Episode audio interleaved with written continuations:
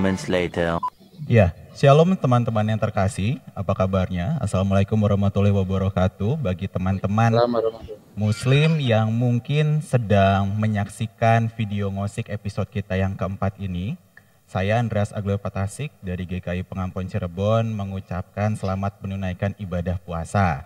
Nah, video ngosik episode keempat ini pun mungkin jadi sarana bagi teman-teman untuk ngabuburit bersama bersama saya dan narasumber saya ini.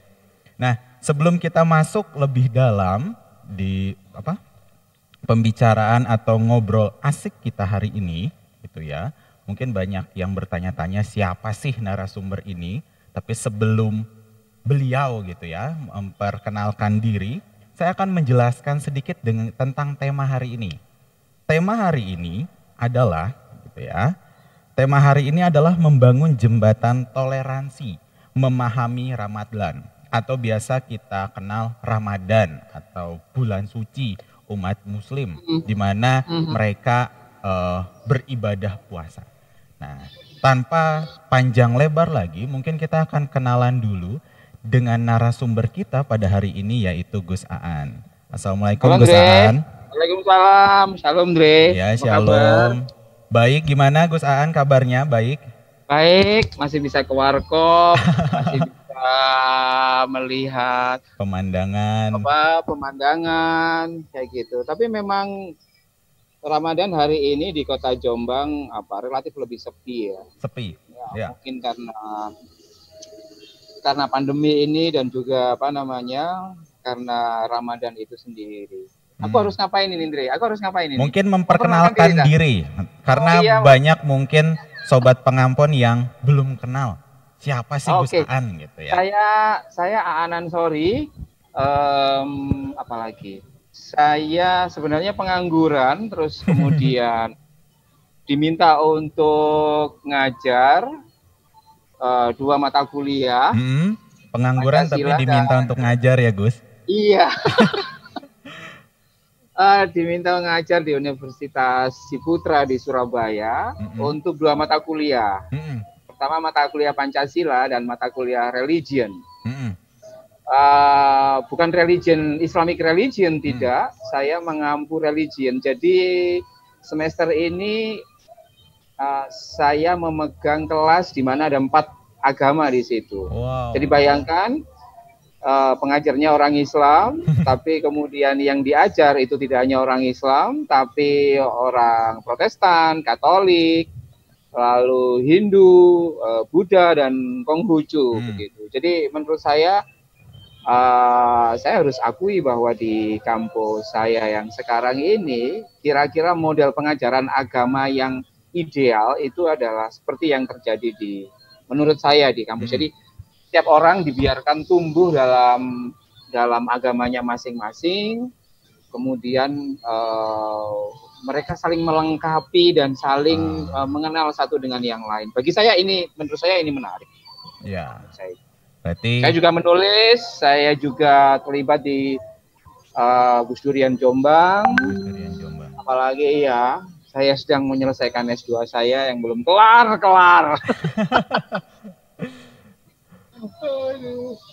Oke, selain itu Gus mungkin ada yang ingin apa ya diperkenalkan lagi kepada sobat Apa itu? penonton.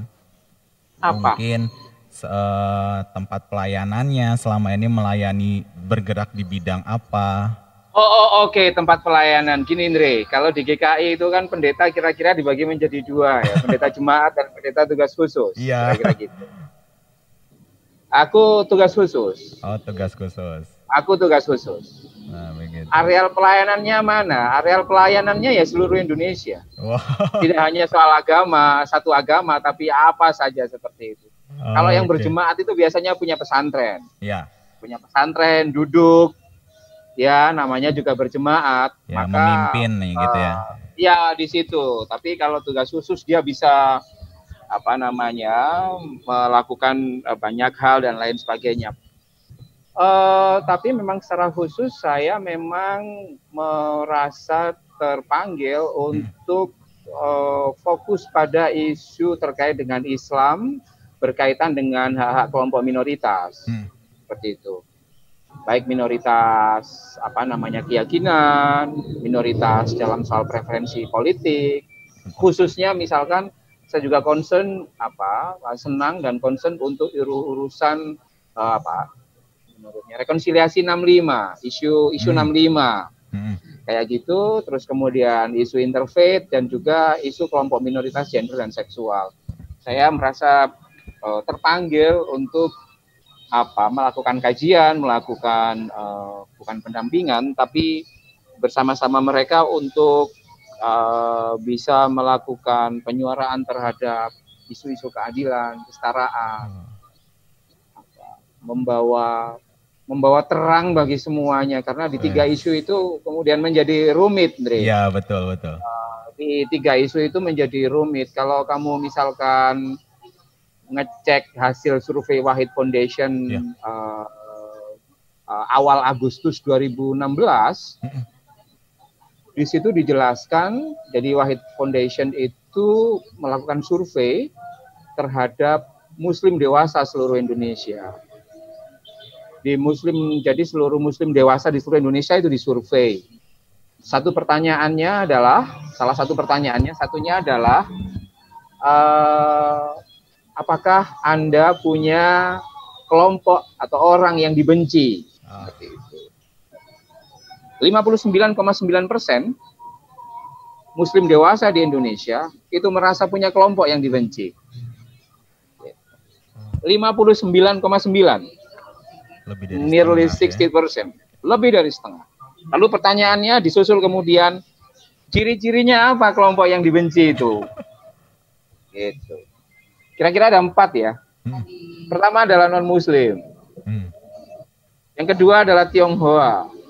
Oh. Yang ketiga adalah uh, uh, komunisme affiliated, uh. mambu-mambu PKI. Iya. Nah, yang keempat itu LGBT.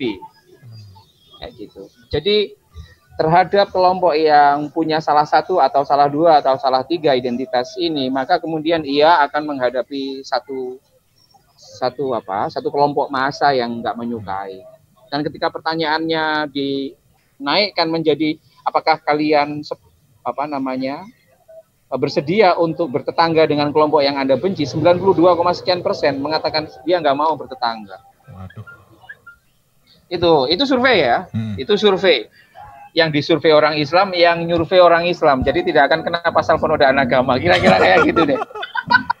Iya, menarik sekali. Jadi uh, sobat pengampun yang terkasih gitu ya. Beliau ini Gus Aan ini uh, ya mungkin lebih gampangnya kita se uh, mendengar sebagai apa ya uh, dosen iya terus bergerak juga pengangguran tadi, juga iya pengangguran iya pengacara pengangguran banyak acara gitu terus juga bergerak di interfaith dan sebagainya gitu ya jadi memang ya menarik gitu ya seharusnya obrolan kita hari ini bersama dengan Gus Aan.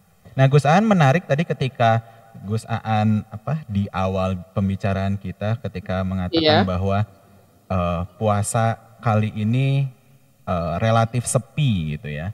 Karena seperti yang kita tahu bahwa kami pun uh, umat Kristiani baru saja kami merayakan Paskah itu beda dari tahun-tahun sebelumnya.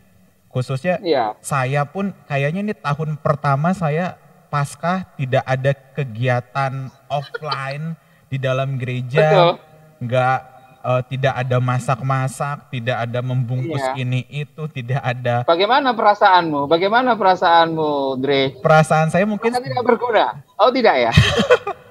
saya sih saya sedikit ada yang berbeda pasti, Gus. Karena jujur ketika pandemi ini masuk ke Indonesia ya saya sih sempat was-was ya, tapi nampaknya rakyat Indonesia tidak seperti saya was-wasnya gitu. Nah, semakin uh. lama semakin ratusan bahkan sampai ribuan barulah sebenarnya seharusnya masyarakat Indonesia itu mulai was-was.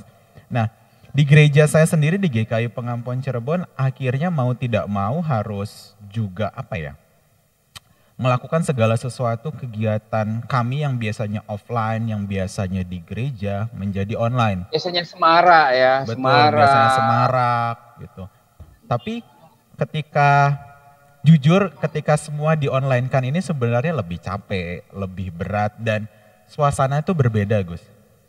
Ketika Iyalah, betul, berbeda. Betul. Ciuman secara offline dengan ciuman secara online itu berbeda. betul. Jadi persekutuannya pun tidak ada gitu kan. Jadi uh, persekutuannya ya kami berpegangan tangan dalam iman lah jarak jauh gitu kami semua ya. online kan gitu dan menurut saya tetapi ada satu hal yang menarik ketika berbicara tentang Paskah gitu ya, berbicara tentang hmm. bagaimana Tuhan kami Yesus Kristus itu uh, apa ya, menebus dosa kami kayak gitu. Di situ yeah, yeah. malah uh, saya sendiri lebih banyak bertanya, sebenarnya ada apa hmm. di balik ini semua kayak gitu. Yeah. Ketika saya mempertanyakan terus bersama dengan teman-teman pengerja pendeta di sini, sebenarnya masih ada kerinduan untuk suatu saat nanti, wah ini harus offline, ini semua harus kita bertemu, harus ada persekutuan yang hangat. Karena jujur Gus, kami rindu. Ya. Pemuda di sini rindu, remaja di sini rindu. Dan pasti kegiatan kemarin Paskah kami itu sangat-sangat berbeda dari tahun sebelumnya. Nah itu ya. dari uh, umat Kristiani pasti sangat berbeda di belahan dunia mana pun yang terkena pandemi ini pasti berbeda. Nah, hmm. ketika berbicara tentang bulan puasa sendiri, Gus, kan kemarin kami sudah melalui Paskah yang berbeda gitu ya dari iya. tahun-tahun iya. sebelumnya, dan sekarang per, bertepatan sekali dengan apa ya? Tidak lama setelah itu masuk bulan Ramadan suci Ramadan, tiba. Ramadan yeah. tiba gitu ya, tiba-tiba Ramadan yeah. gitu ya. Iya. Terus pasti ada sesuatu yang berbeda sama seperti kami. Oh iya, pasti. Nah, Pandangan Pasti. pandangan Gus Aan sendiri terhadap apa ya hal yang berbeda ini apa dan mungkin ini menjadi kali pertama dalam kehidupan Ramadan, kita ya? Ramadan seperti ini ya Gus ya. Betul betul seperti itu. Uh, iya sih memang berbeda situasinya apa? Situasinya menjadi lebih relatif lebih sadu. Relatif lebih sadu meskipun sebenarnya tidak terlalu apa. Saya melihatnya berbeda ya. Berbeda begini kalau yang terkena gini. Karena karena ada karena ada uh, kebijakan physical distancing maka saya melihat bahwa orang Kristen itu kan orangnya taat aturan kan mostly ya Artinya kalau nggak boleh ke gereja, mereka nggak boleh ke gereja. Yeah. Dan mereka memang restrain not to go to their church. Hmm. Artinya apa? Sehingga apa? Karena mereka uh, uh, patuh, kemudian mereka menjadi longing. Tetapi yang menarik bahwa hal seperti ini juga tidak sepenuhnya dilakukan di dalam tradisi Islam. Artinya, artinya begini. Saya harus akui bahwa ketika uh, pemerintah menyerukan nggak usah jumatan, jumatan online atau terawih online dan lain sebagainya, itu menurut saya, saya belum pernah survei, tetapi uh, masih banyak masjid-masjid yang me, apa namanya me, menyelenggarakan menyelenggarakan ibadah-ibadahnya. Bagi Jombang saya sendiri, ini, Gus? Di Jombang maupun di beberapa tempat, mm -hmm. di beberapa tempat. Saya belum punya data, belum punya data pastinya. Artinya kalau misalkan di Jombang ini ada seribu masjid misalkan ya, yang memilih untuk apa? Untuk sementara itu lockdown, uh, tidak melakukan apa kebijakan sholat secara offline, secara bergerombol itu berapa saya belum punya. Tetapi saya bisa mengestimasi bahwa masjid tetap buka, tetapi dengan penjarakan yang tertentu. Hmm ini kan tidak apa uh, tidak sama dengan bagaimana uh, gereja misalkan yang um, yang patuh 100% untuk tidak bergereja seperti itu. Paham maksud saya ya, Andre ya? Nah, seperti sehingga apa? Sehingga sebenarnya uh, di Islam ya memang berbeda uh, tapi tidak terlalu berbeda dalam kerangka setiap orang masih bisa merayakan ibadah apa namanya ibadah puasa dengan dengan apa dengan normatif seperti itu.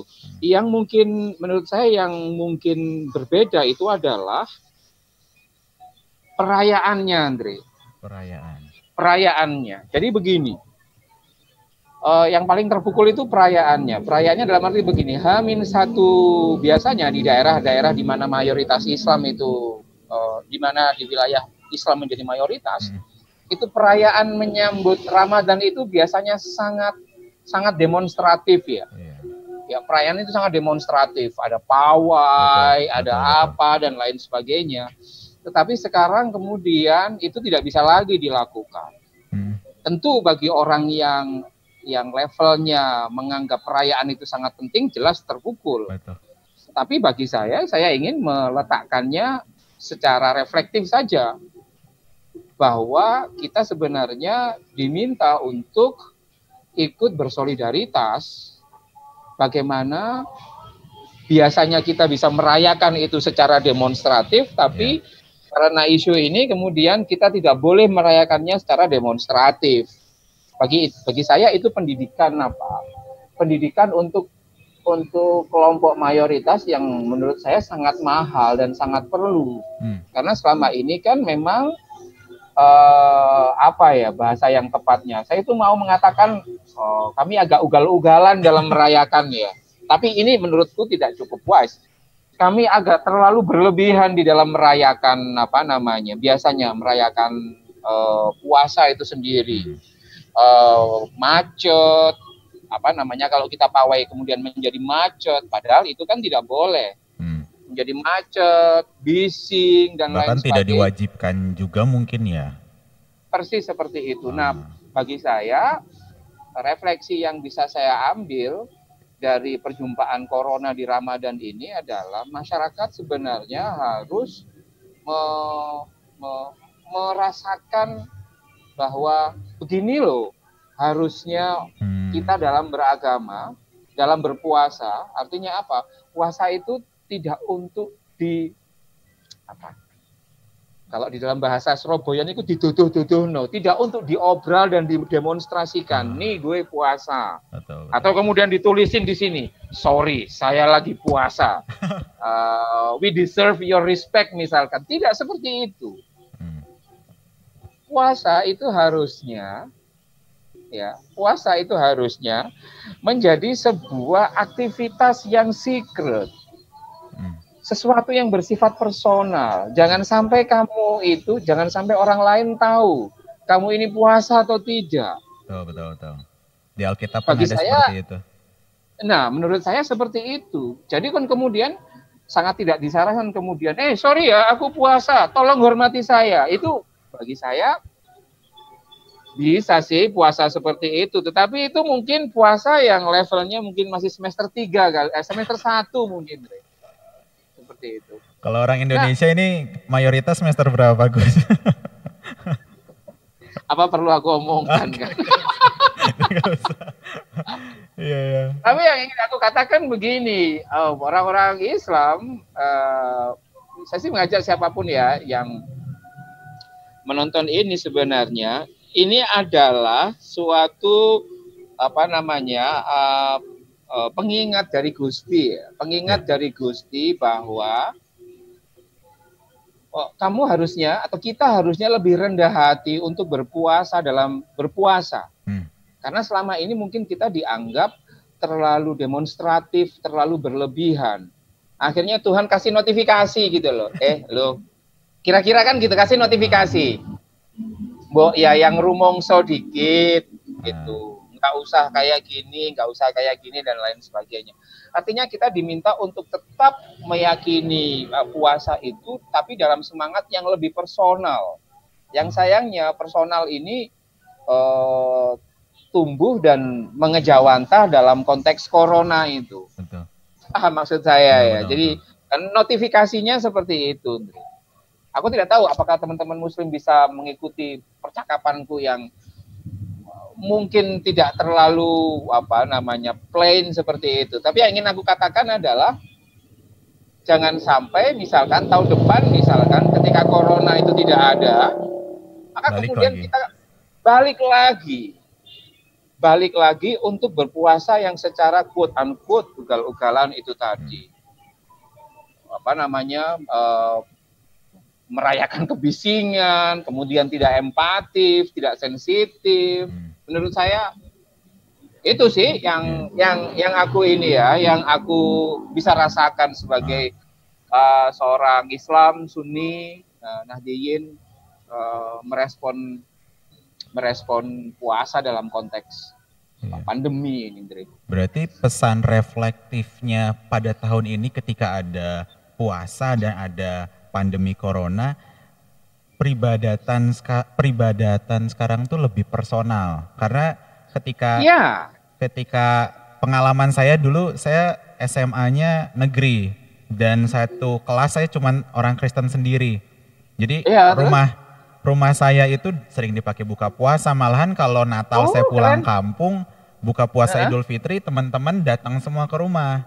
Nah, di oh, situ tuh dulu ya? Iya dulu ketika saya SMA. Nah, yang menarik di situ tuh kan ada ngabuburit, buka puasa. Saya tuh pasti nggak lepas dari kegiatan itu dalam bulan Ramadan. Walaupun saya nggak puasa gitu. Uh-uh. Tapi saya tetap diajak ngabuburit, diajak buka puasa dan di situ malah yang seharusnya ketika buka puasa itu bersama dengan keluarga, lebih personal seperti yang mm. Gus Aan bilang, banyak teman-teman saya anak-anak muda mungkin yang mungkin juga yang menonton saat ini lebih memilih untuk buka puasa bersama teman-temannya, lebih milih yeah. untuk berbuka puasa mungkin orang tua sama kantornya, ibu-ibu sama teman pengajian atau teman arisannya. Dan mungkin mm -hmm. ya seperti Gus Aan bilang tadi, ya uh -huh. ini pemberitahuan notifikasi untuk ayo lebih personal di dalam kehidupan lebih keluarga. Personal.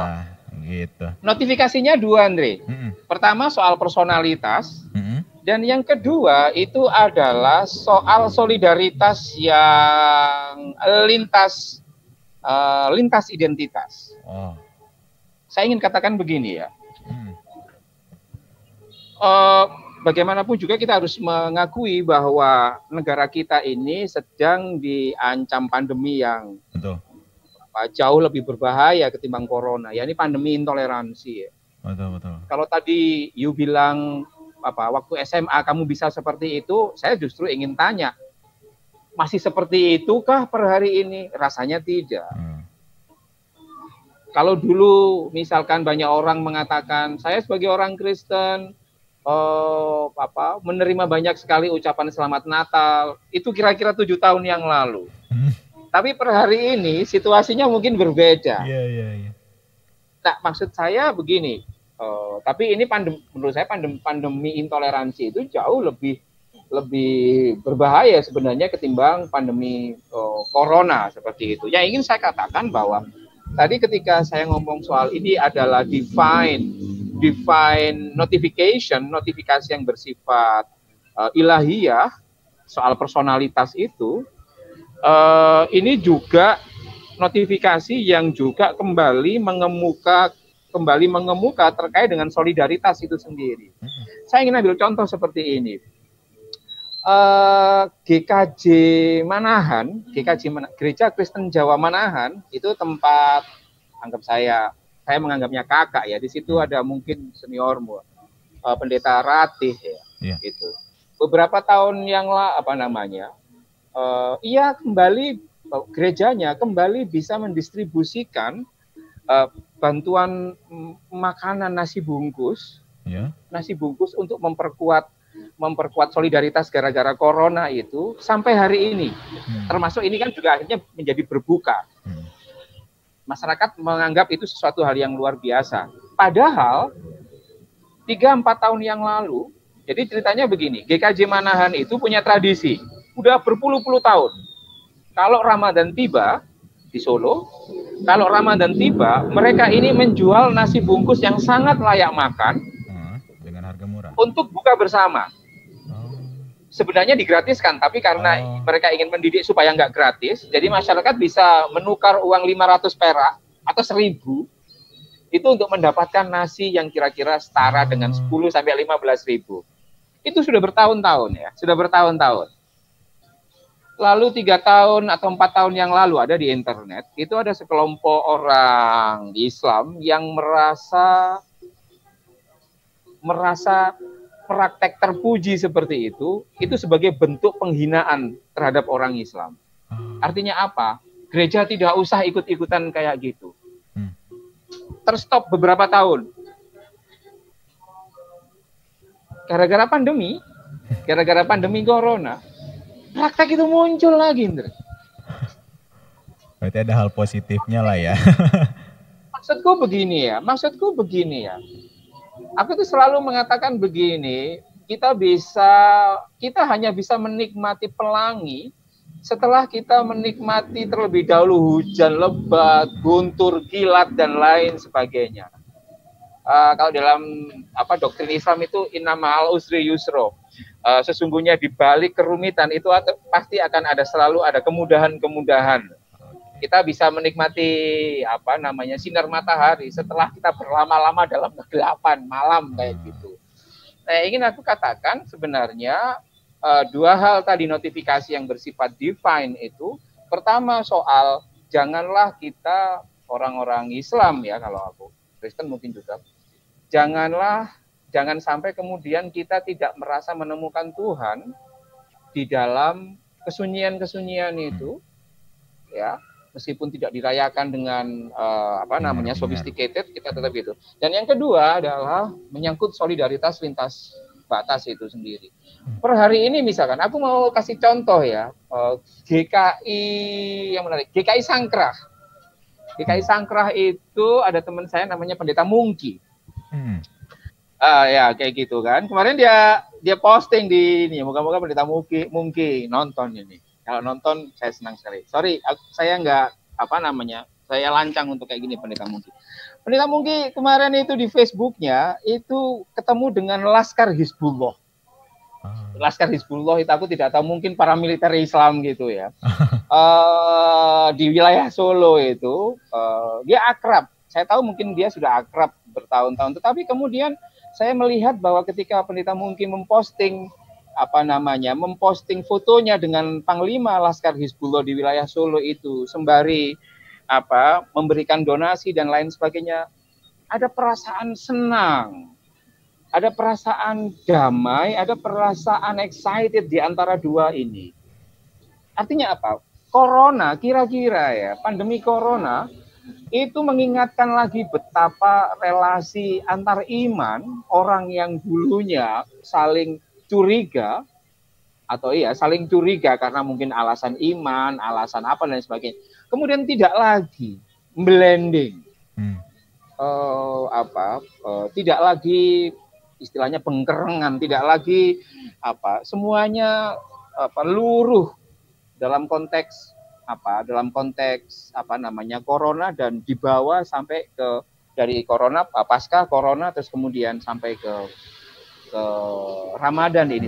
Jadi menurutku ada hal-hal yang positif, Andre, dari seluruh dari apa berbagai upaya ketidaksukaan kita terhadap corona menurut saya. Malah membangunkan semangat-semangat toleransi ya Gus ya. Itu itu yang aku itu yang aku ini kan, itu yang aku bisa bisa tangkap ini. Oh, kok hmm. kayak gini ya, kok kayak gini ya kayak gitu. Ya, menarik ketika berbicara tentang toleransi yang di mana seharusnya di dalam apa ya hal-hal seperti ini banyak masyarakat Indonesia lebih egois lebih kepada diri sendiri banyak kelompok-kelompok lain malah membangun toleransi itu sendiri Gus misalnya contohnya ketika ada gereja eh, memberikan makanan memberikan buka puasa yang seperti Gus Aan bilang tadi yang sempat mm -hmm terhenti terus bangkit lagi toleransinya iya. kembali apa ya kembali muncul gitu yang mungkin kerinduan iya. itu yang kita rindukan selama ini karena pandemi yang kita anggap buruk malah justru menimbulkan semangat toleransi lagi gitu ya Gus ya. Saya saya memaknainya seperti itu. Jadi kan ini kan ada fakta yang berjalan, ada fakta yang terjadi, terus kemudian uh, kita diberikan akal, diberikan pengetahuan untuk melakukan assessment, untuk melihat, oh gini ya, oh gini ya, oh gini ya, hmm. oh gini seperti itu. Meskipun, Dre, hmm. aku harus katakan bahwa corona juga di kelompok-kelompok tertentu itu juga bisa menunjukkan kepada kita semuanya bahwa masih banyak teman-teman yang atas nama takut mati, atas nama ketidaktahuan, kemudian rela melakukan praktek diskriminasi ya. Misalkan menolak mayat, menolak mayat. apa namanya uh, corona, terus kemudian sewenang-wenang terhadap apa uh, para penderita corona tidak mau bersolidaritas, uh, apa melakukan apa, merasa takut yang berlebihan sehingga menimbulkan rasa antipati yang tidak tidak semestinya hmm. gitu kan. Jadi saya tidak tahu tetapi di di Jombang misalkan kemarin ada di beberapa tempat juga eh, sempat ada apa namanya eh, ketegangan menyangkut apakah orang ini bisa dimakamkan di situ atau tidak hmm. dan lain sebagainya. Jadi ketakutan apa namanya ketidaktahuan membuat kita takut dan ketakutan itu kemudian berpotensi besar untuk mendorong kita pada praktek diskriminasi. Hmm. Seperti itu. Itu sama cara cara pandang itu sama bagaimana relasi orang Islam dalam memandang gereja. Seperti itu. Uh, aku kan sudah enam tahun ini kan kerjaanku itu kan ngajakin anak-anak muda Islam itu kan masuk ke gereja toh. Iya. Yeah. Masuk ke gereja. Kenapa? Yeah. Kamu harus tahu bahwa diskriminasi dan uh, praktek kekerasan yang dilakukan oleh sebagian orang Islam uh, kepada orang-orang Kristen itu muncul karena ada stigmatisasi terhadap kelompok Kristen. Betul. Kenapa stigmatisasi itu muncul? Karena mereka tidak tahu. Mereka menganggap bahwa orang Kristen itu jahat. Mereka menganggap orang Kristen itu culas. Mereka menganggap orang Kristen itu berupaya untuk apa? melakukan apa kristenisasi dan lain sebagainya. Betul. Mereka dipenuhi dengan cara pandang itu dan tidak punya kesempatan untuk memverifikasinya.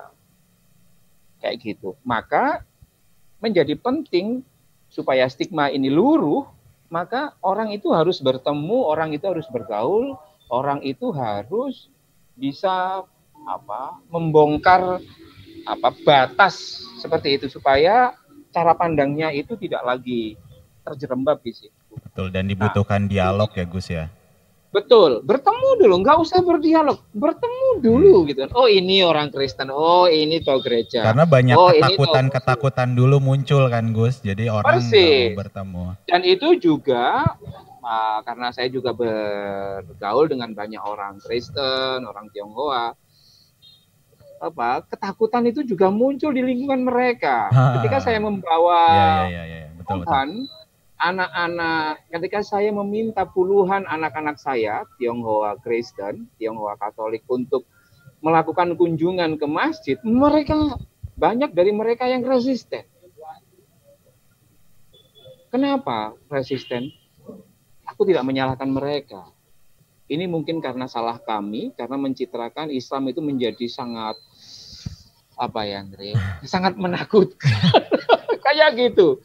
Uh, ada yang satu orang ya perempuan itu saya nggak usah sebut namanya. Dia dia nulis, dia kan dia nulis kan, dia nulis di laporannya itu. Yeah. Betapa dia hampir saja ngontak saya untuk minta Pak tolong saya nggak usah ke masjid. Uh. Rupanya dia punya luka di sana, hmm. punya trauma di sana. Tapi kemudian uh, alhamdulillah uh, ia mampu melewati itu. Ia mampu melewati itu, ia ke masjid di daerah Citralen dan kemudian ia bisa apa, melalui lukanya dengan selamat. Apa, cara pandangnya gara-gara masa lalu kemudian bisa terobati seperti itu. Persis dengan yang dialami oleh anak-anak mahasiswa saya yang yang Islam yang nggak pernah sama sekali ke gereja. Ke gereja gitu kan. Kenapa saya tahu soal ini? Karena mereka nulis laporan. Mereka nulis laporan yang yang apa ya, Andrin? Yang baper gitu ya. Nulis laporan baper. Jadi nulis laporan seperti kamu nulis surat. Oh, lebih banyak curhatnya. Iya, ya seperti nulisnya apa Rasul Paulus ketika nulis surat. Itu kan baper kan, tidak ada iya. catatan kakinya kan, nggak mungkin terindeks opus. nah, menurut saya kunci diskriminasi jadi corona pandemi ini juga di samping membahagiakan juga mendorong kita supaya juga lebih tahu bahwa ada masyarakat yang mungkin karena takutnya hmm. belum ngerti, belum punya pengetahuan, sampai rela kemudian melakukan praktek diskriminasi. Ini menjadi concern kita, Andre. Ya, betul. Menarik tadi ketika uh, mendengar perkataan Gus Aan, kebanyakan orang Indonesia zaman sekarang gitu ya. Saya nggak bilang hanya orang Muslim, banyak orang-orang beragama yang di mana daerah itu mereka jadi mayoritas, mereka tuh ya. ingin menjadi satu, ingin menjadi seragam. Padahal Indonesia tuh uh, menurut saya bukan bagaimana kita menjadi satu, tapi bagaimana kita bersatu. Bersatu tuh kita sadar yeah, yeah. kalau misalnya uh, ada Muslim, ada Tionghoa, ada Kristen, ada Katolik. Ketika kita bersatu ya, ya udah. Oh, berarti ada perbedaan di antara kita. Dan ketika kita yeah. bersatu, seperti Gus An tadi bilang, saling kenal, bertemu dulu, mm -hmm. tidak ada yeah. buruk sangka setelah itu timbullah rasa bagaimana saya berbela rasa, saya mm. berempati, lalu mm -mm. saya kenal dengan yang lain dan cara yang paling tepat ya dialog itu sendiri. Karena yeah, yeah. karena banyak ketakutan misalnya uh, banyak mungkin teman-teman Kristen karena punya luka-luka puluhan tahun lalu dari orang tuanya ketika misalnya ingin anaknya bertemu dengan seseorang yang berbeda, oh, jangan nanti gini gini gini. Jadi mungkin luka-luka zaman dulu juga mempengaruhi mungkin Gus eh, iya, iya, dari saya seperti itu. Dari ketakutan-ketakutan dan akhirnya mereka nggak mau, jangankan berdialog, mereka untuk bertemu aja jadinya bukan sungkan ya, apa ya, takut gitu ya. Jujur takut hmm. gitu mungkin. Dan beberapa daerah misalnya yang mayoritas Kristen pun seperti itu. Orang muslim hmm. yang minoritas juga takut terhadap mayoritas. Jadi ini permainannya ya bukan masalah uh, Islam atau Kristen tapi bagaimana di daerah itu menjadi mayoritasnya tuh siapa gitu. Dan iya, yang mayoritas itu. itu malah ingin Indonesia atau daerahnya tuh menjadi satu, menjadi seragam padahal Indonesia menurut saya ketika semua harus seragam ya kita nggak bisa mengeluarkan warna kita kita nggak bisa iya nggak asik lah nggak menurutku asik. ya nggak asik seperti itu iya, sebabnya betul. misalkan ini kritik saja misalkan kepada di komunitasku sendiri di mana misalkan ada perumahan-perumahan yang hmm. menerapkan standar-standar tertentu ya. standar-standar tertentu standar yang sangat bernuansa religius sangat bernuansa Islam. Misalkan perumahan syariah, hmm. apa namanya, oh, apa namanya, yang kerap kali tidak cukup ramah terhadap orang yang berbeda. Berbeda keyakinan yang ada di sana. Nah, seperti ini menurut saya itu tidak bisa dibiarkan, itu -hmm. tidak bisa dibiarkan. Dan itu tadi saya selalu ngomong saya selalu ngomong bahwa yang harus kita lawan itu adalah keinginan untuk menjadi suci dan ah. menjadi murni. Paham maksudku Andre ya? Iya, iya, iya, iya. Paham itu ya. Kenapa kita membenci? Kalau kita baca, kalau kita ikuti di apa namanya kuliah online-nya Profesor Aril, Aril Herianto dari Monash University, hmm. kenapa kita membenci? salah satu faktor utama itu adalah karena ada keinginan dari tiap-tiap dari kita itu untuk terobsesi menjadi murni. Menjadi murni itu artinya apa? Tidak tercampuri oleh orang-orang yang di luar kita. Betul. Contoh, ini ini contoh saja. Yeah. Ya. Uh, aku Jawa. Ketika aku misalkan aku Jawa Islam, hmm. NU. Ketika aku misalkan pacaran dengan orang yang Islam Jawa bukan NU, maka kemudian akan resisten. Misalkan aku pacaran dengan orang Muhammadiyah. Ya, beda. Ya, itu itu itu masih sama-sama ini loh ya. Ini ini kayak kamu pacaran ya, kamu pacaran dengan orang apa namanya uh, orang yang yang beda denominasi dengan ya. kamu ya, lebih evangelis misalkan. Ya. Kemudian nggak boleh Padahal itu sama-sama pengikut Yesusnya. Iya betul. Apalagi pacaran dengan orang Katolik, yang iya. apalagi pacaran dengan orang Islam, apalagi pacaran dengan orang Islam, Jawa, oh apa misalkan. Jadi menurut saya ada banyak pikiran di dalam cara pandang kita bahwa kita terobsesi untuk menjadi murni dan oleh menjadi murni maka kemudian kita merasa perlu untuk seragam. Hmm. Ini yang apa, keinginan untuk menjadi murni ini aku tidak tahu tapi di Alkitab mungkin juga ada bahwa bagaimana misalkan bangsa Israel mungkin ya bangsa Israel yang uh, sangat memproteksi dirinya uh, supaya tidak yeah. apa terkontaminasi dengan anasir-anasir yang lain. Hmm jadi intinya begini, Indri. Selama aku tidak tahu, tapi ketika kamu sama pacarmu ya, ya Mima itu kan Tionghoa toh? Kebetulan iya. iya. Tionghoa, iya, iya katakan. Aku tidak tahu apakah orang tuanya udah tahu apa. Ketika ia memilih orang Tionghoa, itu kemudian memilih berpacaran oleh orang di luar orang Tionghoa, itu kan di dalam tradisi Tionghoa klasik itu kan nggak boleh. Iya. Aku tidak tahu bagaimana di tradisimu di Toraja seperti itu. Tetapi iya, sama-sama sih. Jadi gagasan soal Pancasila itu adalah gagasan untuk mencampur aduk. Semakin identitas kita nggak jelas, paham ya? Anakmu iya. besok kan jadi nggak jelas loh. Iya. Ya Toraja, ya Tionghoa toh. Zebra. Semakin nggak jelas, nggak jelas dalam tanda petik, ya. itu sebenarnya semakin Pancasilais. Betul.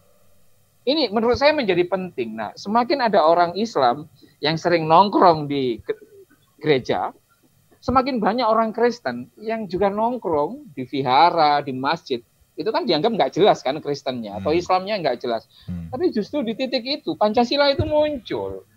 Betul. Sehingga apa? Pancasila sebenarnya itu mendorong kita itu untuk tidak jelas. mendorong kita untuk bukan tidak jelas yang ini ya, tidak jelas dalam konteks menjadi tidak murni. Karena karena kita ngomong soal kemurnian, sebenarnya hati-hati kita sedang menanam bom waktu bagi kita dengan menganggap orang lain itu tidak murni dan kita pasti membenci mereka. Betul, itu, betul. Betul. Menarik. Sama di puasa itu, sama dengan di puasa itu. Hmm. Nah, ketika kita berbicara tentang kemurnian tadi, uh, justru itu semangat yang saya pelajari ketika saya belajar tentang interfaith, bagaimana lintas iman gitu ya, bukan hanya lintas agama uh -huh. tapi lintas iman ketika uh -huh. kan banyak orang mengira ketika ingin belajar, ingin kenal, aduh saya takut iman saya terganggu, saya takut mm -hmm. nanti ketika saya ngobrol dialog dengan mereka nanti saya ikut-ikutan mereka padahal kalau misalnya kita murni untuk berdialog, untuk kenal malah spiritualitas itu terbangun justru karena lintas iman itu Gus yang saya yeah. pelajari. Misalnya dulu dalam skripsi saya, saya uh, belajar dari dua suami apa sepasang suami istri yang berbeda agama. Lalu dari situ muncullah sebuah dialog bahwa saya belajar dari suami saya yang Kristen. Lalu suaminya mm -hmm. bilang saya belajar dari istri saya yang uh, Muslim. Bagaimana mereka tumbuh Lalu ketika belajar melihat misalnya uh, pasangannya sholat lima waktu, di situ pasangan yang satunya bukan belajar bagaimana saya harus sholat, tapi belajar oh mereka tuh bisa tepat waktu beribadah lima waktu tuh bisa, sedangkan saya yang orang Kristen dua jam aja tiap hari minggu kok susah di situ belajar. Lalu belajar yeah. dari puasa saya bukan belajar tentang puasanya Mas Andre katanya, tapi saya belajar bagaimana mereka menawan, menahan hawa nafsu, bagaimana mereka menahan juga lapar, bagaimana mereka bertenggang rasa dengan yang lain. Jadi ketika hmm. kita bertemu dengan yang lain seperti yang Gus An bilang tadi, seharusnya apa ya, perbedaan itu malah membuat pola pikir kita tuh berubah, kita punya pikiran yang bertambah, kita semakin kenal dengan orang lain, seharusnya menurut saya spiritualitas kita mm -hmm. pun terbangun. Dan mm -hmm. seperti yang Gus An bilang tadi, ya ketika kita merasa diri kita murni, kita pasti menganggap orang lain tidak murni. Ketika kita yeah. menganggap diri kita paling benar, kita menganggap orang lain juga salah gitu. Dan hmm, orang lain iya. yang seperti itu juga banyak orang lain menganggap dirinya benar pasti menganggap kita buruk. Nah itu yang menjadi bahaya, yang menjadi apa ya? Betul. Intoleransi itu apa ya? Uh, bertumbuh di Indonesia seperti itu. Nah sebelum dilanjutkan Gus, saya ingin memberikan kepada teman sobat-sobat pengampon bagi sobat saat yeah. pengampun yang kebetulan nonton video ini secara langsung bisa bertanya di dalam live chat gitu ya. Saya mengingatkan. Oh ada ya live chatnya itu ya? Ya ada live chatnya. Jadi kami ini live di YouTube. Jadi teman-teman silahkan uh, kalau mau ada pertanyaan, kirim salam gitu juga mungkin bisa. Nanti saya akan bacakan uh, di live chatnya YouTube gitu ya. Nah kembali dalam oh. obrolan Gus, menarik ketika oh. uh, apa ya puasa juga menimbulkan rasa toleransi terutama di tengah pandemi ini gitu. Nah kalau hmm, kita iya. berbicara uh, ketika nanti, ini kan masih awal-awal nih Gus. Mm -hmm.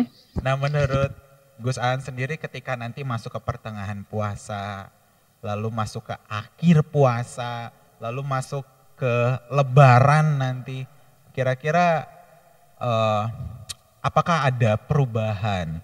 Apakah toleransi itu semakin berkembang atau justru rakyat Indonesia malah lebih egois? Aku tidak tahu, Andre. Hmm. Aku tidak tahu. Tapi percayalah, masa depan toleransi di Indonesia itu kira-kira dalam level tertentu itu sangat tergantung dari bagaimana model beragama mayoritas. Anggap saja yang mayoritas ini adalah Islam dan benar Islam, hampir 90 eh, sekitar 88 sampai 90 persen. Hmm?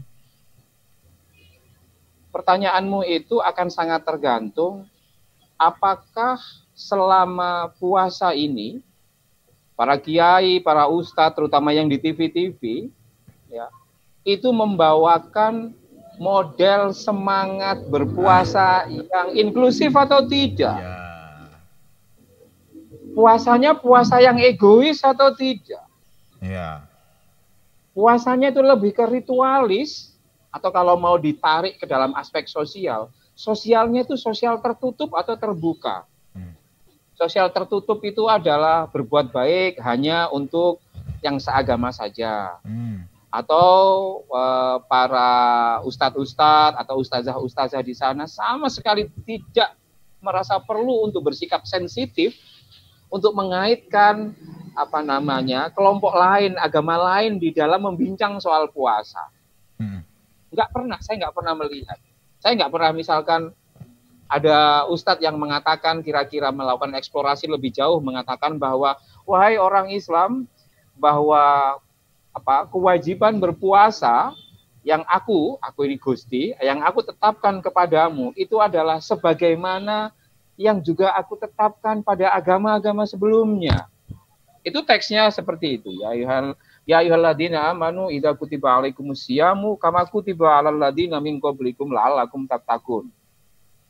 Jadi Gusti di dalam Al-Qur'an itu mengatakan bahwa orang Islam, yuk aku kasih kewajiban untuk puasa sebagaimana aku juga mewajibkan orang-orang sebelum kamu. Hmm.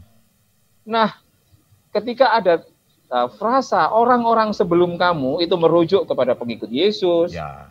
pengikut Musa maupun pengikut yang lain, itu tidak banyak atau hampir tidak ada ustadz atau ustazah yang kemudian mengatakan sebenarnya kita ini ada persamaan dengan orang-orang Kristen, orang-orang Yahudi, orang-orang Sabiin.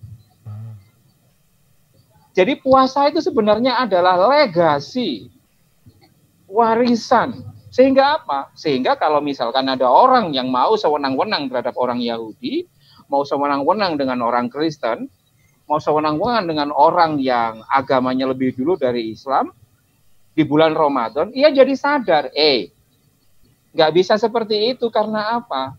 Karena kita punya apa uh, one common tradition, ya. yakni fasting.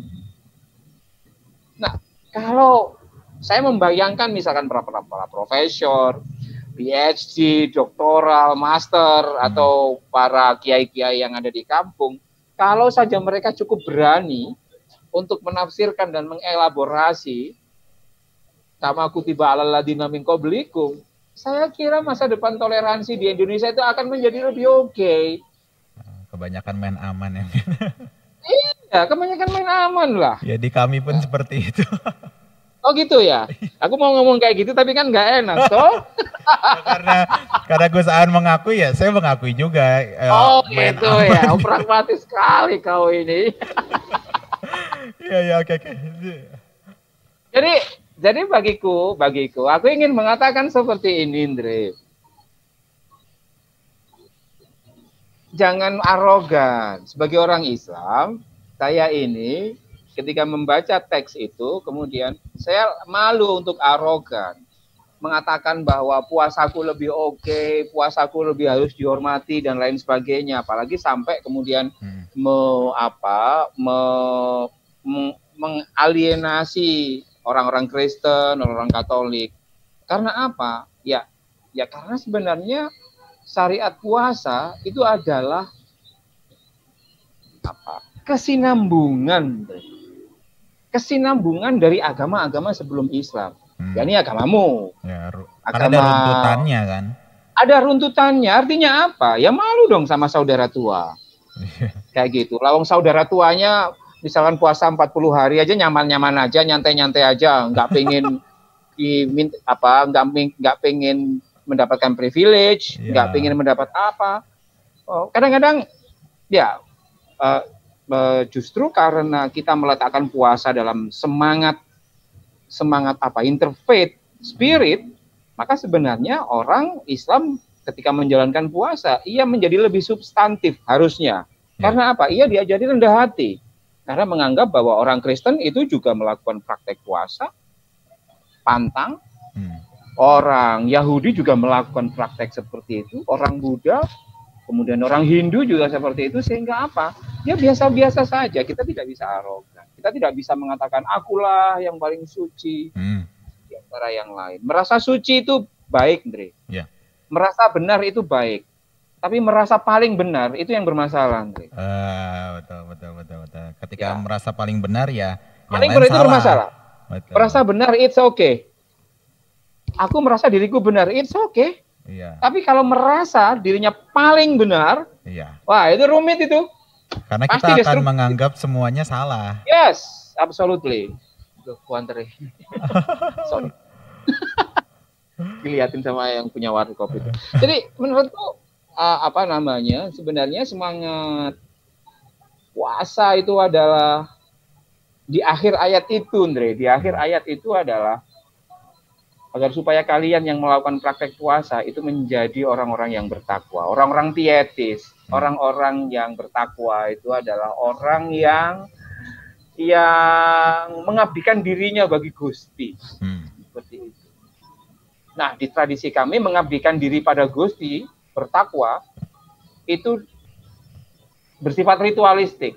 Orang dianggap itu Kristen yang sejati kalau ia ke gereja uh, satu hari lima kali. Hmm. Nggak peduli praktek apa kesehariannya, apakah sesuai dengan ajaran Yesus atau tidak. Mereka nggak, dia nggak merasa penting. Yang penting aku ke gereja sehari lima kali. Jadi ritualistik seperti itu. Hmm. Itu cara pandang yang common, normatif. Di kami cara pandang yang normatif adalah orang bertakwa itu uh, semakin ia apa namanya sering ke masjid, semakin ia apa namanya berpakaian yang apa namanya menunjukkan dirinya orang yang religius meskipun sebenarnya ya korup dia melakukan praktek kejahatan dan lain sebagainya. Tetapi yang ingin aku katakan bertakwa dalam konteks ini adalah sebagaimana yang aku maknai pada tugas suci orang Islam. Hmm. tugas suci orang Islam itu adalah menjadi rahmat bagi alam semesta. Hmm. menjadi rahmat bagi alam semesta. Contoh yang paling konkret itu adalah begini kalau kamu adalah orang Islam yang menjadi rahmat bagi semesta, alam semesta, kalau di situ ada masjid dibangun dan dia punya mereka itu butuh bantuan, yuk kasih. Kalau di situ ada gereja yang dibangun, maka yuk kasih juga. Hmm. Di situ ada pura yang dibangun, yuk kasih juga. Membantu ya. Membantu. Membantu menjadi rahmat bagi alam semesta.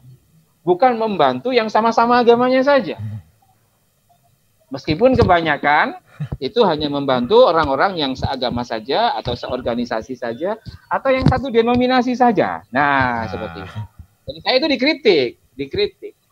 Karena di situ teksnya berbunyi rahmatan lil alamin. Kamu Kalau dalam kekristenan adalah menjadi terang lah, menjadi garam lah, di mana-mana menjadi garam gitu kan. Kalau menjadi garam itu kan Bapak tidak mengharuskan orang lain itu menjadi garam terlebih dahulu baru kemudian kita menggarami tidak toh. Menjadi garam itu kan dia menjadi sangat rela. Yuk taruh di mana saja saya akan menjadi garam. Kayak gitu. Nah konsep rahmatan lil alamin bagi saya ya di situ. Takwa adalah di situ. Sama Andre? ketika orang Kristen uh, mengikut Kristus kan adalah apa ya? Ketika kita menjadi kasih, ketika kita menjadi berkat ya, seharusnya ya, ya. bagi seluruh ciptaan. Tapi ya, ya. lebih banyak uh, orang Kristen mungkin uh, apa ya? Saya yang mengasihi orang yang sama dengan saya. Bahkan lebih parahnya lagi, Gus. Uh, kadang saya mengasihi orang yang segereja dengan saya. Bukan hanya sekelompok denominasi, tapi segereja dengan saya dan Ya. Iya. Iya, dia dia butuh proses ya, Andre. Dia butuh proses ya. Artinya kalau ada orang yang seperti itu sebenarnya kita nggak boleh benci. Mm-hmm. Karena Betul. di dalam tradisi di Gus Durian, di Gus Durian itu kami menganggap manusia itu cuma punya dua kategori, Andre. Mm. Orang baik dan orang yang sedang dalam proses menuju baik, Andre. Mm. Sekali lagi orang baik dan ada or ada orang yang sedang dalam proses Betul. menuju baik. Betul nggak ada orang jelek. Gitu. Jadi ketika kita melihat orang yang salah, nakal, oh, pencuri, perampok, pezina dan lain sebagainya, maka kita akan melihat dia sebagai orang yang sedang dalam proses menuju baik. Hmm. Apa implikasinya kalau kita meletakkan label itu ketimbang menganggap ia jelek? Kalau kita menganggap orang itu jelek, maka biasanya kita akan ogah untuk nyamperin mereka. Hmm. Tapi kalau kita meletakkan mereka dalam konteks oh iya sedang dalam proses menuju baik, maka kita hadir di situ, Andre. Hmm. Kita menjadi apa? Mengasihi.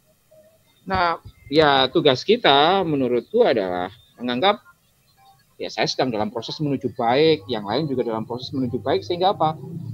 Kita nggak punya sifat membenci, kemudian kita dijauhkan dari sifat yang dengki, meskipun dengan orang-orang yang sangat membenci kita.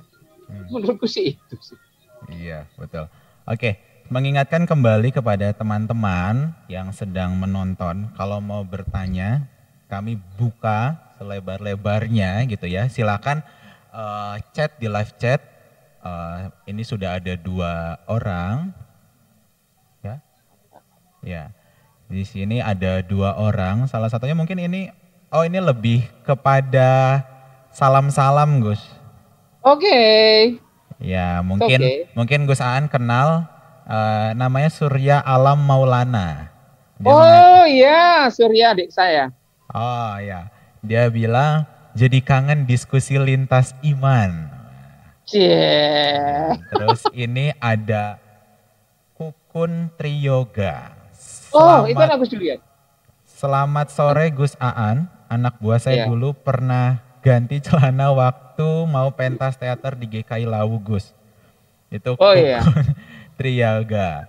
Nah, silakan teman-teman yang mau uh, berkirim salam mungkin atau mau bertanya mumpung masih ada waktu kita sebelum nanti Gus Aan mungkin berbuka puasa atau teman-teman berbuka puasa masih kami buka.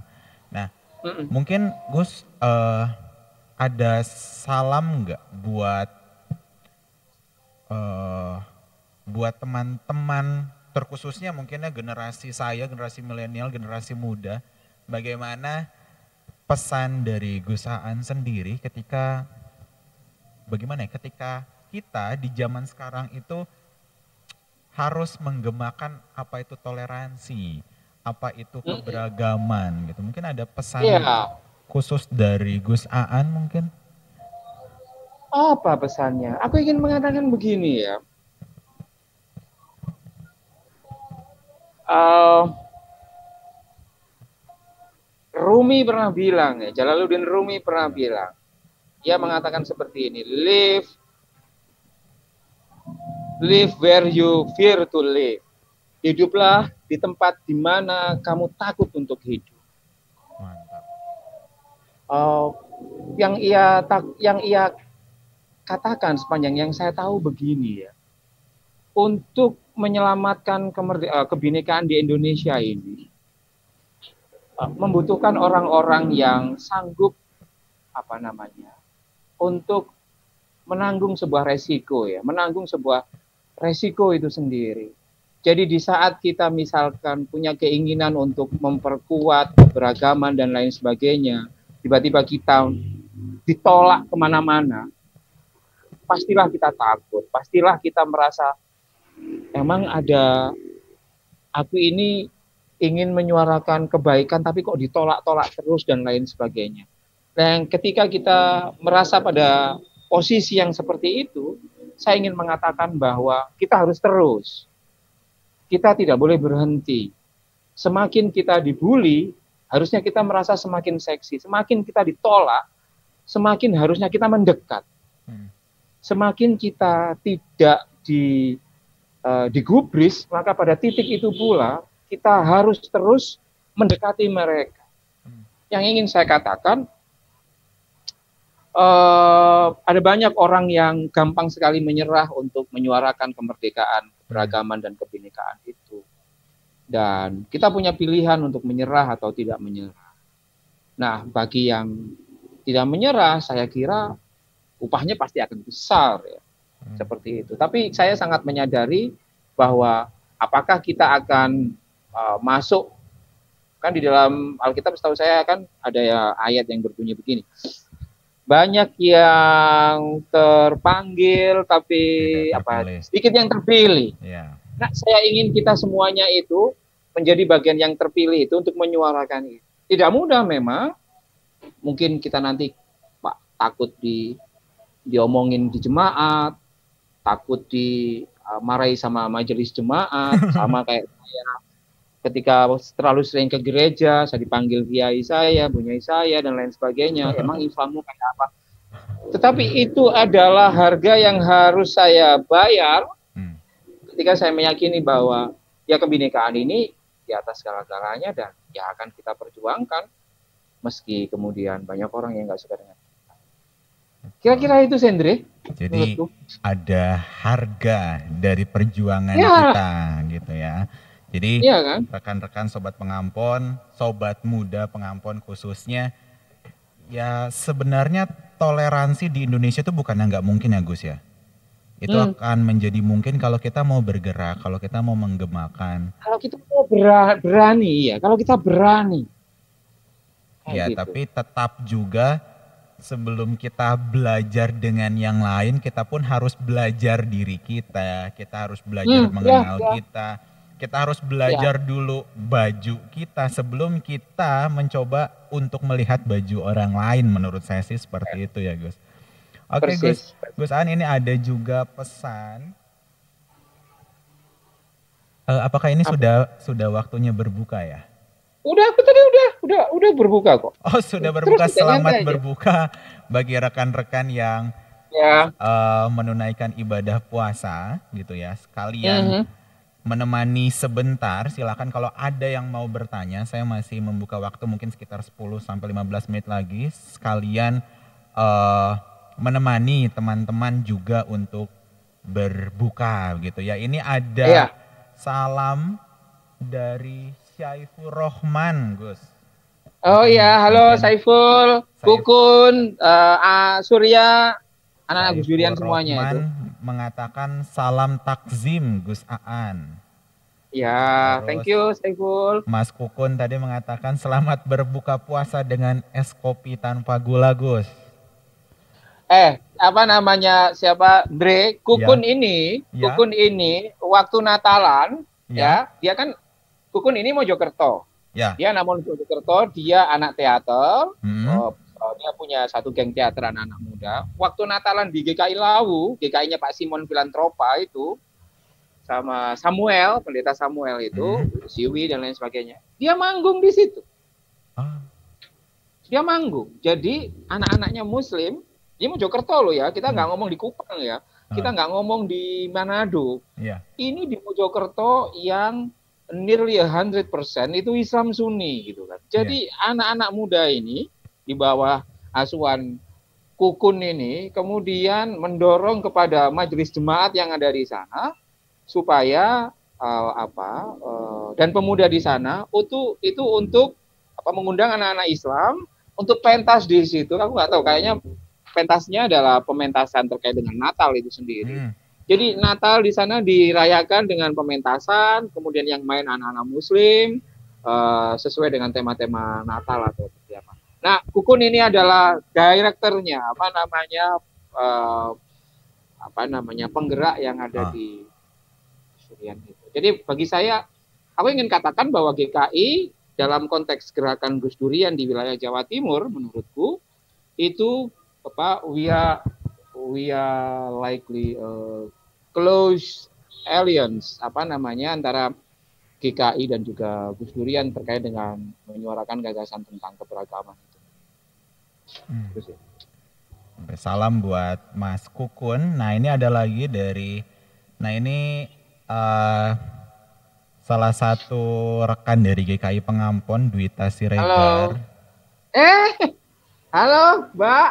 Ibu Dwita Gimana mengatakan, Gusaan selamat buka puasa. Thank you. Salam dari Bu Dwita.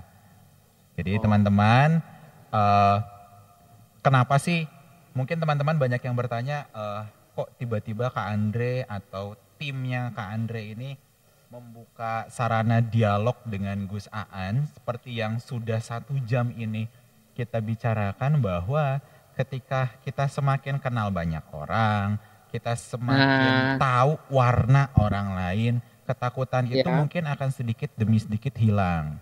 Dan hmm. kita akan timbul rasa empati, bagaimana kita berbela rasa, bagaimana yep. kita bertoleransi dan salah satunya adalah dengan berdialog. Jadi mm -hmm. uh, jujur ketika saya datang ke Cirebon ini Gus, saya tuh mm -hmm. di Cirebon ada yang namanya pelita. Oh iya, pelita. Ya, pelita. Mm -hmm. Nah, uh, ketika saya dikenalkan dengan salah satu rekan, David, eh, rekan di sini ini ada laundry namanya Pelita. Nah saya tuh senang walaupun ya saya mohon maaf kalau banyak kegiatan yang saya tidak beberapa tidak saya ikuti karena memang ada kegiatan gereja. Tapi kalau kami sedang kosong pasti kami ikut dan di situ tuh hangat Gus. Dan iya. itu yang belum dirasakan mungkin dengan teman-teman yang masih apa ya menutup diri gitu, masih padahal ketika bertemu dengan teman-teman pelita ya hangat-hangat aja, seru-seruan aja, ngopi bareng, oh. ya ngobrol bercanda bareng gitu, ngobrol-ngobrol hmm. ya asik gitu. Nah mungkin itu belum akan dirasakan atau tidak bisa dirasakan ketika kita takut duluan, Gus. Kalau itu menurut ya, saya. Tugas kita adalah, aku tugas kita Andre sebenarnya hmm. tidak bisa ngasih tahu ini Andre. Di dalam pedagogik itu begini, ada satu rumusan yang selalu aku pegang untuk menghadapi orang-orang yang takut dan lain sebagainya. Tell me and I will tell me and I will forget. Semakin kita mengkhotbahkan bahwa kita tidak perlu takut ketemu orang Kristen, kita nggak perlu takut masuk gereja bagi orang Islam. Itu seperti apa? Ngomongin kuping kanan, keluar kuping kiri. Nah, untuk tidak seperti itu, maka masuk ke jargon yang kedua, show me and I will remember. Jadi kalau kita menghadirkan, ya ketimbang kita ngomong roti adalah atau kurma adalah, kita diminta untuk show me and I will remember. Ini kopi, ini uh, kurma. Hmm. Nah yang menarik yang ketiga, involve me and I will understand. Hmm. Jadi tell me, show me, involve me. Yeah. Itu ada levelnya masing-masing. Nah, saya punya cerita mungkin untuk apa uh, uh, mengisi ini. Uh, pada sekitar dua tahun yang lalu ada teman-teman Gus Durian dari wilayah Bangkalan. Tahu tahu kan Bangkalan kan Madura ya. Islamnya 25 oh, iya. karat gitu. Iya. Kuat sekali di sana. Oh iya, kayak gitu kan orang-orang Gus Durian gitu mau ziarah kubur ke Jombang ke Gus Dur. Ya, kira-kira anak 20-an ya, 20-an perusahaan saya mau ke Jombang gitu oh ya silahkan wah gitu kan biasalah kalau mereka melakukan perjalanan kan cari Gus Durian setempat gitu bolehkah kami apa mampir ke sekretariatnya Gus Durian? Gitu. Saya bilang, wah ini anak-anak Madura ini pasti sangat apa apa sangat menarik kalau meminta mereka untuk ikut ke gereja dan lain sebagainya. Saya bilang begini, oke, okay, tapi sekretariat Gus Durian itu ada di gereja GKJW. Saya bilang begitu, gitu kan. Jadi kalau kamu nanti ke sana pas makan siang, nanti tak kasih deh, tak kasih makan siang, tak siapin makan siang. Tapi ya itu tadi uh, sekretariat kami uh, di GKJW. Gereja. Di gereja JW kayak gitu. Gimana hmm. kalau mau ya silahkan. Sebentar saya diskusikan dulu dengan anak-anak gitu. Lama nggak kontak. Saya tahu mereka bergumul. Betul. Mereka bergumul. Uh, tiga jam kemudian uh, itu hamin satu sebelum kunjungan mereka ya.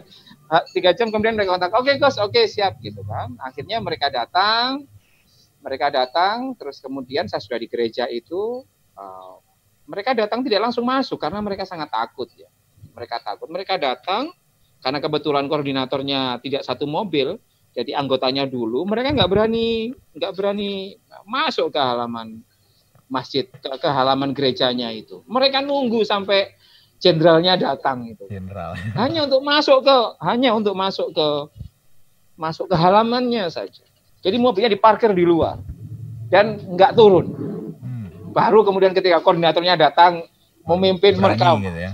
berani. Saya tahu ini sebenarnya apa psikologi personal dan masa yang kita tahu oh jadi seperti ini. Ah, kemudian masuk mereka agak takut-takut ya masuk di situ. Akhirnya di forum di waktu itu uh, kami di saya ada satu ruangan di belakang di belakang apa uh, tempat ibadah itu yang masih dalam satu bangunan kemudian kita ngobrol di situ. Disuguhi teh sama kopi sama polo pendem. Kamu ngerti polo pendem deh polo pendem itu ketela kacang uh, apa namanya pisang godok. Oh, kayak gitu. iya, iya, iya. bukan olahan Wah, kemudian ayo silakan dimakan. Hampir tidak ada yang mau makan. Semuanya, hampir semuanya tidak mau makan. Gak mau makan. Padahal saya tahu mukanya muka sangat kelaparan itu. Sama kayak aku, muka aku sangat kelaparan, maka kemudian aku mau makan ini. Lalu kemudian saya bilang, waktu saya jadi moderatornya, kenapa kamu nggak makan? Gak apa-apa Gus, nggak nggak lapar. Kamu bisa bilang gak lapar, tapi kamu ini muka lapar. Ayo dimakan, saya bilang begitu. Kamu takut jadi Kristen ya? Aku bilang begitu. Dia diam aja. Ayo dimakan. Nanti kalau kamu jadi Kristen, aku yang tanggung jawab. Aku ngomong kayak gitu, Andre. Ini live ya, karena aku nggak boleh bohong, karena bohong nggak boleh kan. Maksudku, aku ini ngomong, ayo dimakan. Ya, mereka dengan malu-malu kemudian makan.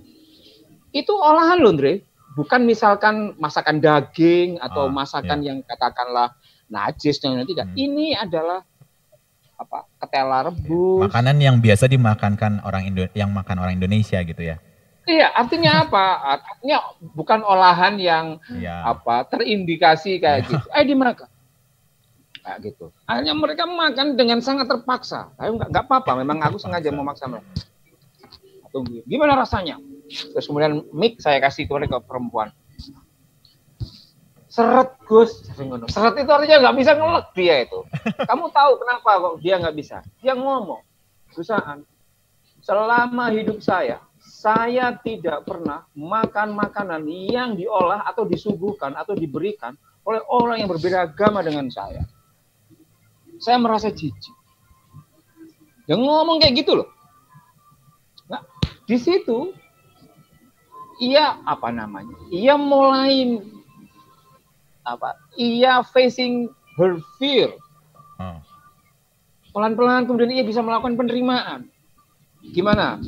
Well, jadi Kristen atau tidak? Silakan dicek KTP-nya masing-masing. Ayo dimasuk apa namanya? KTP-nya dikumpulin semuanya. Dicek apakah kolom agama di KTP yang awalnya Islam berubah automatically jadi Kristen seperti itu. Enggak, mereka ketawa-ketawa dan makan nyantai saja yang awalnya misalkan mereka sangat takut pada gereja, tapi kemudian karena apa? Yang ingin aku katakan begini, Andre, yang ingin aku katakan adalah seberapa smart kita untuk meyakinkan banyak orang supaya mau melintas. Hmm. Ini yang tidak dipunyai oleh orang-orang kali ini. Seberapa smart kita untuk mengolah strategi, meyakinkan orang bahwa ke masjid itu penting, bahwa ke gereja itu penting. Gitu. Makanya GKI Pengampon, saya kasih tahu karena ini juga saya omongkan di banyak GKI. GKI Pengampon itu hanya bisa jadi ber, semakin menjadi bisa menjadi berkat kalau dikunjungi oleh banyak orang Islam. Kalau GKI Pengampun hanya dikunjungi oleh orang-orang GKI saja, menurutku biasa-biasa saja. Tapi kalau semakin banyak orang Islam yang nongkrong ke situ, Andre, semakin banyak orang yang bukan GKI nongkrong di situ, itu berarti GKI-mu itu menjadi clear. Jadi kalau ternyata yang kamu layani cuma orang GKI saja atau orang yang di situ saja, biasa saja. Itu. Itu juga berlaku ketika di dalam masjid. Kalau yang nongkrong di masjid ini hanya orang Islam saja, nggak ada yang istimewa. Tapi kalau orang Kristen bisa nongkrong di situ, orang Katolik bisa nongkrong di situ, orang Hindu bisa nongkrong dan semakin banyak semakin itu, itu berarti gereja ya. berkat. Gitu. Betul, betul, betul.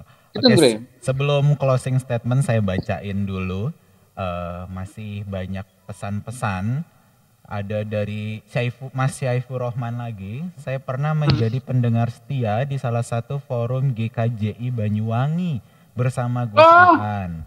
Mohon oh iya, Saiful. Mohon arahan konsep uh, toleransi beragama bagi kaum milenial Gus. Oke, mungkin itu masuk nanti ke closing statement gitu ya. ya. Lalu ada Aditya Kristianto, ini uh, rekan pemuda dari GKI Pengampon. Selamat berbuka puasa, Gus Aan, keren banget sharingnya. Thank you, Dit.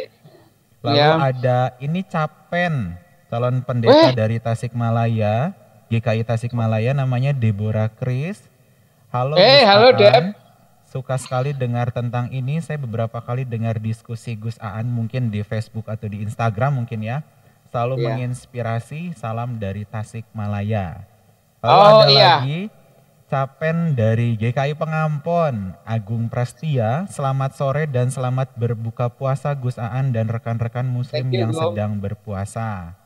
Thank you, Ada thank juga you. dari Mas Stefanus Mardiono, ini penatua dari Kun, GKI Kuningan, penatua hey, mudanya. halo. Stefanus Mardiano mengatakan salam pakai emot. Lalu ada Dede Ahriani, dia bilang aku telat. Oh, mungkin nanti uh, buat yang telat nanti saya akan save ini. Lalu teman-teman bisa memulainya dari awal begitu ya Gus ya. Iya, iya. Biar tidak kehilangan iya. diskusinya. Lalu ada Pitsi Tompul, ini kalau tidak salah uh, teman teologi saya. Siapa? Siapa? Pit Sitompul, dia oh, teman Sitompul. teologi Duta Wacana angkatan 2013 dibilang mantap gitu ya. Lalu ada Ibu Dwita Siregar lagi, Gus Aan setuju dengan banyak orang Islam yang nongkrong di pengampon dan untuk itu memang harus berani keluar dari zona gereja saja dan bergaul dengan mereka-mereka yang Islam ya. atau mungkin yang berbeda. Iya. Iya. Gitu. Betul, nah, betul itu. Gitu. Nah, mungkin ini terakhir uh, closing statement dari Gus Aan sendiri. Sebelum kita tutup dan mungkin teman-teman bisa melanjutkan buka puasanya, ya. Oh, ada lagi. Uh, Oke, okay, ada lagi. Oh, ini rekan remaja. Rekan remaja di GKI Pengampon David Martinez. Dia mengatakan selamat berbuka puasa untuk Gus Aan dan saudara-saudara ya, yang merayakan. Terima kasih. Yang mana? Ya, oh ya mungkin nanti di closing statement pertanyaannya Syaifur Rohman itu Halo, tentang, iya. tentang konsep toleransi beragama bagi kaum milenial mungkin bisa dimasukkan juga ke dalam closing statement mungkin gitu ya Gus ya. Ya. Oke, ya, silakan terima kasih. Gus. Ya, terima kasih Indre dan juga Saiful menurut saya konsep apa toleransi apa namanya ya, untuk kalangan milenial saya ingin mengatakan bahwa justru saya menghindari batas. Hmm. Saya toleransi yang harus kita apa namanya kita suarakan ke depan untuk Saiful dan teman-teman di sana adalah batas-batas itu sudah dibuat oleh kelompok-kelompok klasik. Misalkan toleransi itu bukan dengan cara mengucapkan selamat Natal. Toleransi bukan dengan cara apa namanya uh, menghadiri perayaan di di apa namanya di gereja atau seperti apa. Hmm. Bagi saya, saya justru mengatakan bahwa toleransi hanya apa justru karena kita toleran maka kemudian kita harus bisa merasakan apa yang dirasakan oleh orang lain itu. Konsep toleransi yang ingin saya bangun adalah perlakukan orang lain sebagaimana kamu ingin diperlakukan. Betul. Kalau orang Islam itu senang ada orang Kristen mengucapkan selamat hari raya Idul Fitri, hmm. maka itu berarti kita harus melakukan hal yang sama kepada mereka. Betul. Kalau ada orang Islam begitu sangat senang ada orang Kristen datang ke rumahnya pada waktu Idul Fitri mengucapkan selamat Idul Fitri, maka itu berarti itu tanda bahwa kamu juga harusnya memperlakukan orang itu sebagaimana kamu ingin diperlakukan. Ya ini apa? Ya you harus datangi ketika Natal ke sana itu you harus datangi itu. Jadi bagi saya konsepnya sangat simpel Saiful. Menggunakan the golden rule. Hmm perlakukan orang lain sebagaimana kita ingin diperlakukan. Kalau kita ingin diperlakukan secara hormat pada orang lain, maka kita juga harus memperlakukan orang lain dengan hormat. Kalau kita begitu senang apa mendapatkan ucapan selamat berpuasa, selamat berbuka, selamat hari raya Idul Fitri, selamat Isra Mi'raj, selamat apa, maka ketika pasca menjelang kita juga harusnya diwajibkan oleh nurani kita hmm. untuk mengucapkan hal yang sama. Ketika apa namanya pekan Paskah itu datang, kemudian Natal itu datang, kemudian apa dan yang lain sebagainya, maka kita juga diminta untuk apa namanya mengucapkan hal yang sama. Karena apa? Karena kita suka orang lain mengucapkan hal seperti itu. Hmm. Itu konsep toleransi yang harus diletakkan dalam kerangka semangat milenial yang saya pahami seperti itu. Ya. Kira-kira itu, Andre. Jadi kalau kita mau orang berbuat baik ya kita berperilaku baik. Kalau kita yeah. mau iya. dihargai, kita hargai orang lain.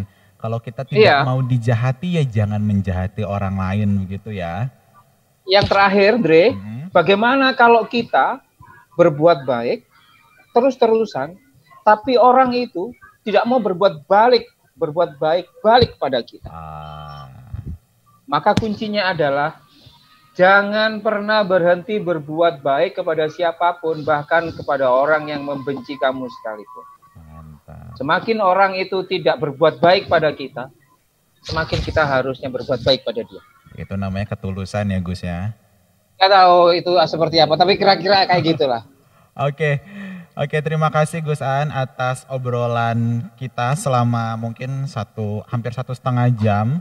Terima kasih ya, juga rekan-rekan yang sudah uh, menonton selama satu setengah jam ini gitu ya. Buat teman-teman, sobat pengampon ataupun mungkin rekan-rekan lain yang hmm. sedang merayakan uh, ibadah puasa, selamat berbuka, silahkan dilanjutkan makannya gitu ya. Dan untuk kalau mau ada hal-hal yang menarik, kira-kira ngosik minggu depan itu uh, mau ngobrolin tentang apa, jangan lupa subscribe gitu ya. Jangan lupa like, komen sebanyak-banyaknya gitu ya. Sehingga kalian pun dapat belajar sesuatu hal sama seperti minggu ini. Minggu ini kita belajar makna toleransi justru dari uh, rekan muslim gitu ya dari hmm. Gus Aan gitu ya dan kita belajar makna toleransi khususnya untuk anak muda. Nah minggu depan ada kegiatan apa di ngosik kita di ngobrol asik episode kelima.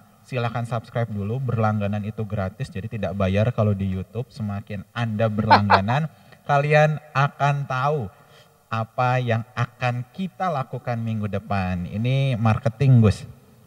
Oh iya. Oke. Okay. Uh, akhir kata terima kasih Gus Aan. Thank you, terima thank you, terima kasih Kiai Pengampon. Ya, terima kasih Andreas, thank you ya. Teman-teman yang sudah menonton, jangan lupa tetap nonton minggu depan di ngosik-ngosik selanjutnya. Terima kasih, ya. Tuhan berkati. Thank you. Matur suun, matur suun, terima kasih.